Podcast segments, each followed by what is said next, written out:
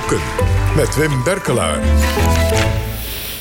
Ja, Wim. Goedemorgen, Paul. Goedemorgen. Je hebt weer een stapeltje meegenomen. Zeker. Eh, ook weer een boek van de maand erbij. Gaan we voor het laatst bewaren. Kunnen luisteraars eh, die er naar willen meedingen... eh, eh, liken op Facebook en aan een kans maken. Maar eh, je begint met een ander boek. Met De Metamorfose, Metamorfose van Heusden. Ja, dat is een, eh, de metamorfose van Heusden. Eh, ik weet niet of iedereen dat stadje kent. Dat ligt aan de Maas, tussen eh, Waalwijk en Den Bosch. En daar is een... Ja, het lijkt een koffietafelboek, maar er is serieus onderzoek aan verricht. Dat is geschreven door Hildo van Engen, Annemarie Laven en Antonie Maas. Die Hildo van Engen heb ik vroeger wel eens gelezen als een mediavist. Gedegen jongen ook. Annemarie Laven is bekend van het eh, Historisch Nieuwsblad. Antonie Maas ben ik even kwijt. Ehm, van de Maas. Van der Maas, om maar zeggen. Nee, dat is een interessant stadje, jongens. Die is, dat is in de 12e eeuw opgericht. eh, en het, het boek eh, beschrijft eigenlijk de geschiedenis van het stadje... en wisselt dat af met interviews met eh, bewoners. Er is bijvoorbeeld een interview met een, een schoenmakersgeslacht... die daar al tijdenlang zitten. En het grote verhaal is natuurlijk met zo'n oud vestingstadje... Dat is, dat is eigenlijk een beetje symptomatisch... hoe je in Nederland kan omgaan met die stadjes. Ehm, op een gegeven moment krijg je natuurlijk... die bevolking groeit. Die stad wil, en hebben zitten we na de oorlog, wil uitbreiden. En dan krijg je zo'n stadsarchitect. En die denkt dan, ja jongens, dat stadje moet eigenlijk groeien tot 3400 inwoners. Wij moeten af van dat historisch karakter. Want die middeleeuwse wegen, dat, dat, dat zit ons in de weg. Nou, daar kan je eindeloos debatten. Uiteindelijk is dat stadje een historisch vestingstadje gebleven. Er is eindeloos subsidie natuurlijk eh, ook ingestopt. Ja, het is een fascinerend, goed verhaal over één stadje, maar je zou dit volgens mij eh, breder kunnen trekken... als je denkt aan eh, stadjes, wijkbeduursteden of van die historische Ja, stadjes. ja, Wim, dat zeg je nou wel. Ik ben er wel eens geweest in eh Heusden. En je loopt in een soort poppenmuseum rond.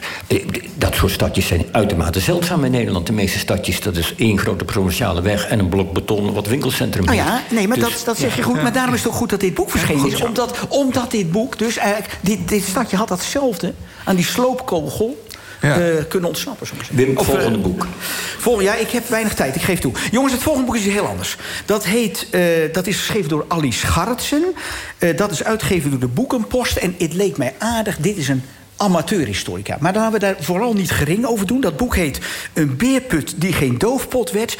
Kijk, dit is dus een vrouw die bekend staat om genealogisch onderzoek. Heeft allerlei geslachten uitgezocht. Maar heeft nu 7000 pagina's doorgeworsteld...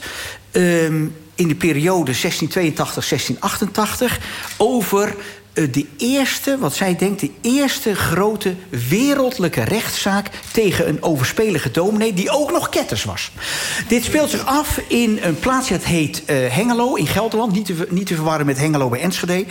En het is, kijk, er is wat op het boekje aan te merken. Dat betekent, het, het, het begint meteen, het is chroniekmatig opgeschreven. Het mist een inleiding en een goede conclusie. Maar alle lof voor Alice Scharretsen. Want zij brengt een buitengewoon interessante zaak naar voren. Dit is een dominee die... ehm, zich vergrijpt, die, die wil per se een huishoudster hebben... waar hij het oogje op heeft. Dat is een meisje van 20 jaar. Eh klassenverschil zit daarin natuurlijk. We zitten over zij- eind 17e eeuw. Dat meisje komt. Eh, hij bezwangert haar, maar denkt dan... oh jongens, mijn reputatie als dominee gaat eraan. Ik ga haar aan mijn knecht, de landarbeider... Harmen Lensink geven. Of Rensink. K, hè, dus we zitten in dat In de. Achterhoek. In Ja. Achterhoek. Ja. Maar het is, een, het is fascinerend omdat zij heel dicht bij die bronnen blijft. En je ziet dus ehm, ook wel het grote, gek genoeg, van die kerken op dat moment. Want let op, die wereldlijke rechtbank... die eh, sp- spreekt eerst eh, de dominee vrij. Vervolgens krijg je een hernieuwde zaak, want zij gaat nog een keer in hoger beroep. Dan wordt die, eh Mhm. Het die is een soort eerste misbruikzaak in de kerk. Ja, de eerste misbruikzaak die... Want, want je hebt de En historie... voor, en voor wel te verstaan, niet in de katholieke kerk. Nee, Jos, nee, ik zou je sparen dit keer. Dit keer geen katholiek misbruik, maar wees gerust, dat blijft gewoon doorgaan.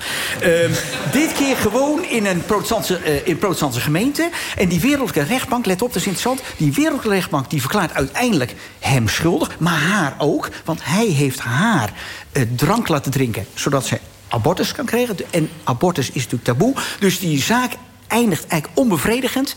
Hij wordt wel veroordeeld, maar niet heel streng. Zij krijgt ook een proces aan de broek. Maar de klassikale vergadering, dat betekent, eh, ik moet even zeggen... de kerkelijke vergadering zet hem af als dominee van Hengelo. Juist, rechtvaardigheid. Volgende boek, Willem. Het volgende boek, ja jongens, het was weer moeilijk kiezen bij het boek van de maand. Ik heb hier, dit was uitgegeven dus bij die boekenpost. Ik heb hier van Prometheus. Ik zag uh, Mai hier zitten, uh, de uitgever van uh, Prometheus. Ja, dit is een schitterend boek van Pieter van Os. Dat heet Liever dier dan mens. Nou heb ik er even een bladwijze tussen gestart. Want let op, die tekst, Liever dier... dit gaat over Mala Rivka Kizel. Dat is gewoon een vrouw die nu als Mala Slaver... op 3 of 94 jaar leeftijd... ik geloof dat die, die leeftijd niet helemaal bekend is. Ze is geboren in 26, zo, zover uh, Pieter schrijft. Dit is een Pools-Joodse dame die nu uh, rustend burger is... Uh, op hoge leeftijd in Amstelveen. Die heeft een bizar leven geleid. En let op, net spraken Hasna en Fatima over identiteiten. Dit boek gaat ook over identiteiten. Moet je je voorstellen, dit is een Joodse vrouw opgegroeid in een orthodox Joods milieu. Zo orthodox dat ze naar de buitenwereld keken als die katholieke deugen niet. En die katholieken keken natuurlijk weer naar Joden van Joden. Gods, uh, Christusmoordenaars deugen ook niet. Heeft die oorlog overleefd door voortdurend als jonge vrouw andere identiteiten noodgedwongen aan te nemen. Dus zij, uh, zij, wordt, zij, heeft, ze ziet er blond uit, blauwe ogen. Dus zij uh, leeft in Warschau, in het ghetto van Warschau, ontsnapt daaruit. Komt uiteindelijk terecht, ik zal de details besparen, bij een uh, nazi-gezin. Want ze ziet eruit als volksduitser. Ze doet zich voor als Pools-Duits, als volksduitser. Zo wordt ze ook gekeurd. Hè. Je hebt dus ook nog etnische keuringen van die nazi. Loop uit met kijken. Hoe is die schedelmeting? Ja, jongens, wij, wij zien het nu als gekheid. Dat was toen serieuze zaken destijds. Onvoorstelbaar. Maar zij komt eruit naar voren en ze... Uh, komt bij een nazi-gezin, Muller geheten, hoe Nederlands kan het hebben, of hoe Duits kan het hebben, Jansen, Muller, Duitsland wordt daar heel liefdevol opge opgevangen en zegt ook... Ik, werd daar, ik had gevoel voor die mensen. Waarom? Omdat die vader, die orthodox-Joodse vader... die zag alleen maar jongens, geen meisjes. Dus heel ingewikkeld. Het is allemaal heel ingewikkeld. Uiteindelijk komt ze in Israël terecht ontmoet haar haar tweede liefde. Want ze is dus ook nog verliefd geweest op een Duitse vliegtuigingenieur. Haar eerste grote liefde. Ik zal het afronden, Jos. uh, ja, je hebt gelijk. Uh, uh, maar nu even ja, dat kunnen de mensen thuis niet horen wat hier gebeurt. Hè? Nee, dat ik, maar dat... Dat, ik zo'n bewegingje maak. Dat bewegingje mag gemaakt worden, daar heb je gelijk in. Maar afrondend... Ja, Pieter Vros kan natuurlijk geweldig schrijven. Die jongen schrijft voor de Groene Amsterdam, voor NRC Handelsblad. Dit boek is geweldig geschreven. Het is een thriller. Um, en ik zeg erbij, wat mij natuurlijk zelf ook zeer sympathiek is... wij praten in Nederland, in Nederland over Nederland in de Tweede Wereldoorlog. Denk eens aan Polen in de Tweede Wereldoorlog, ja. jongens. Denk eens aan ja. Polen in de Tweede Wereldoorlog. Dit boek moet op de nominatie voor de laatste vijf. Ja, dit zou volgend ja. jaar op de nominatie kunnen. Ja. Goed, maar Goed. je hebt hier nog niet het boek van de maand van gemaakt. Dat is het volgende. Ik ben nog iets vergeten, ja. zie ik in dit boek. Maar vooruit maar. Ja, het volgende boek. Ja, dit had het dus ook kunnen zijn. Ja. Maar ik doe het toch voor de luisteraar, omdat dit mij ook fascineert. Dit boek is geschreven door een man met een Duitse naam. Die naam luidt Frank Dickutter. En uh, lezers zullen iets van die Frank Dickutter weten. Dat is een jongen in Nederland opgegroeid. Uh, nee, in Zwitserland opgegroeid, in Nederland geboren. Is nu hoogleraar geschiedenis in Hongkong. En heeft een drieluik geschreven. Jongen spreekt vloeiend Chinees. Over uh, het Chino van Mao Zedong. Dus de grote ja. sprong voorwaarts, culturele revolutie enzovoort. Maar nu heeft hij een boek geschreven dat heet Acht dictators uit de 20e eeuw. Acht dictators ja, uit de 20e zijn er toch veel te weinig? Er waren er veel meer. Ja, ja. Paul, ga eens een boek schrijven, kerel. Ja.